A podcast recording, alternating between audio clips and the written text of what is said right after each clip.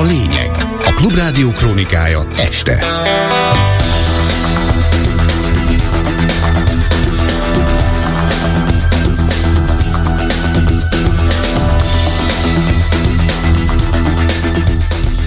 4 perc elmúlt 18 óra. Az Európai Néppárt vezetői szerint meg kellene vizsgálni, nem volt-e korai feloldani a Magyarországnak járó uniós források egy részét. A magyar felnőtt lakosság 44%-a szerint az Orbán kormány politikája elvezethet az Európai Unióból való kilépéshez. Elképzelhető, hogy a decemberi után január végén újabb volánsztrájkot hirdet a szakszervezet. Holnap sok felé számíthatunk esőre, záporokra. Jó estét kívánok a hírszerkesztőt, Kárpát Ivánt hallják. Az Európai Néppárt vezetői szerint az Európai Parlamentnek meg kellene vizsgálnia, nem volt-e korai feloldani a Magyarországnak járó uniós források egy részét.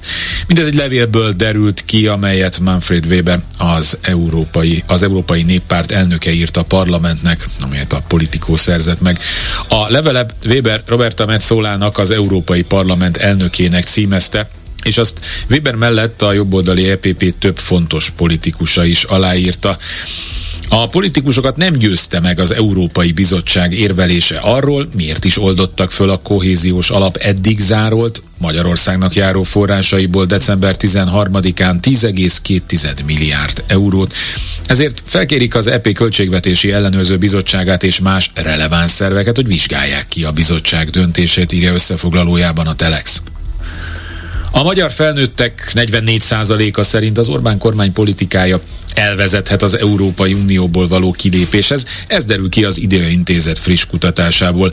Böcskei Balázs az Idea Intézet kutatási igazgatója azt mondta a Klubrádiónak az adatok még a decemberi uniós csúcs előtti időszakban lettek fölvéve, ezért ezeknek hatása még nem látszik a számokban az Orbáni politikának, az Orbán és az Unió konfliktusos viszonyának tükrében el tudják és milyen eséllyel, mekkora esélyét látják-e annak, hogy Magyarország adott esetben elhagyja az Európai Uniót. Kérdésünket úgy tettük fel, hogy ön szerint van-e annak valódi esély, hogy Orbán Viktor miniszterelnök politikája Magyarországot kivezeti az Európai Unióból, és valóban a teljes népesség 44%-a szerint erre van egy valódi esély, tehát nincsen többségben, akik így látják, ellenben a legtöbben az látják, hogy ennek megvan a valódi esélye. További 39% aki szerint nincs ennek valódi esélye, és egy viszonylag magas, tehát egy 17% az, ami nem tudott állásfoglalni a kérdésben. Ami azonban különösen informatív a kutatási eredmények tükrében az az, hogy a fiatalok, tehát a 18 29 évesek, tehát a legfiatalabbak a felnőtt népesség tekintetében 54%-a valódi esélyt látott, tehát jóval több, 10%-kal egészen pontosan, mint a teljes népesség, illetve azok, akiknek anyagi gondjaik vannak, vagy éppen, hogy kijönnek a fizetésükből, vagy a bérükből, 55, illetve 59 százaléka, aki szintén lát egyfajta esélyt a kilépése,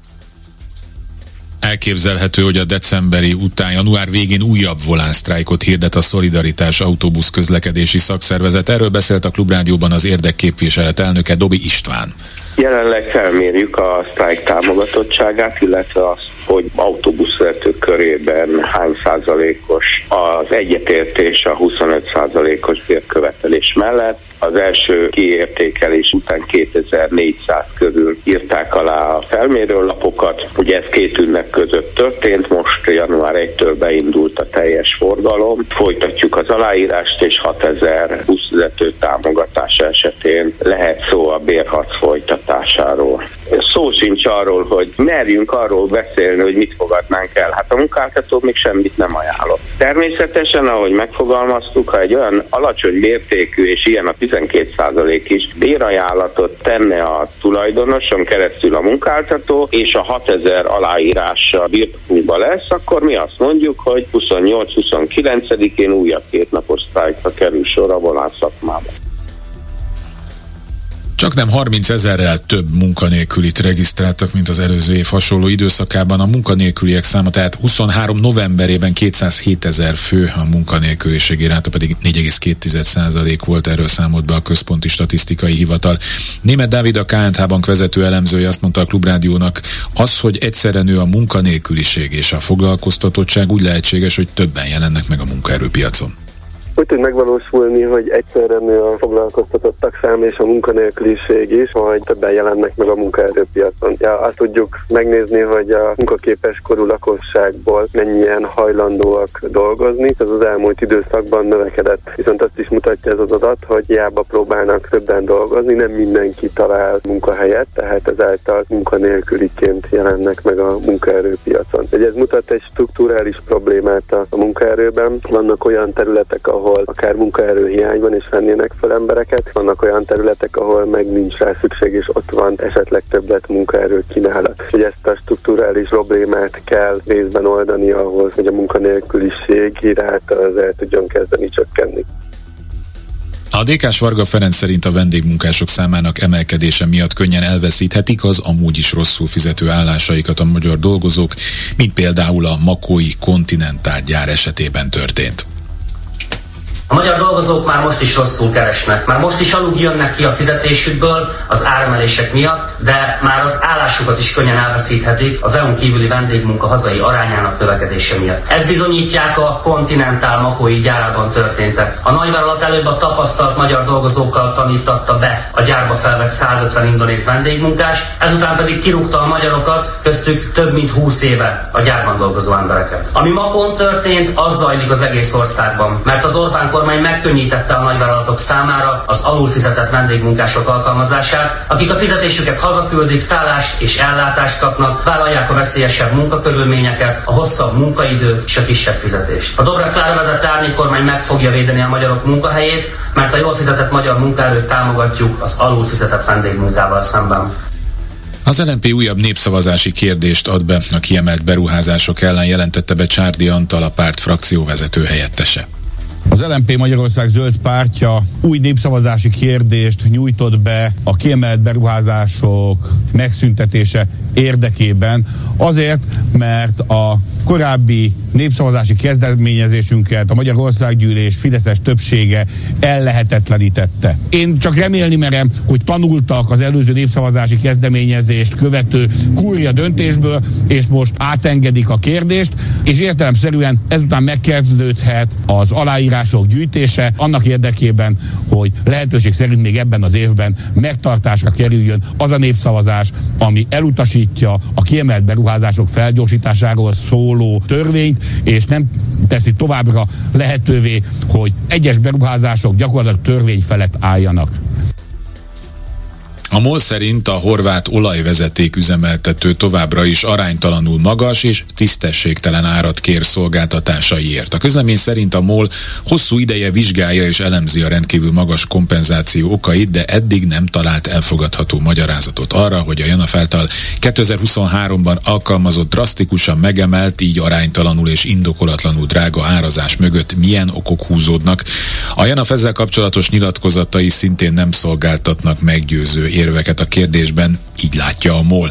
Mivel az emelés messze meghaladta az európai energiaárakat, emelkedésének mértékét, jogosnak tűnik a feltételezés, hogy a JANAF az Ukrajna és Oroszország közötti háború által teremtett helyzetet profit szerzésre használja, feltételezi a magyar cég. A kapitóliumi lázadás harmadik évfordulójához időzítette Joe Biden a demokrácia védelmében elmondani tervezett nagy beszédét. Nagy hangsúlyt kap ebben a beszédben, hogy a demokrácia egyik kulcseleme a hatalom békés átadása, aminek a kötelezettségét az elnök szerint megtagadta Donald Trump 2021. január 6-án. Csernyászki Judit összeállítása. Választási kampányát indítja és nagy beszédet tart ma Joe Biden, amit összeköt a 2021. január 6-án a kapitóliumi lázadás során történtekkel. A peaceful transfer of power, which is something that Donald Trump, uh, even as uh, you know, as early as two days ago, um, is continuing to refuse to do. Quentin Fox, Joe Biden kampányfőnökének helyettes vezetője a CBS-nek elmondta, a békés átmenet, a hatalom békés átadása kulcskérdés a demokráciában. But no, I'm not a threat. I will save democracy. The threat is crooked Joe Biden.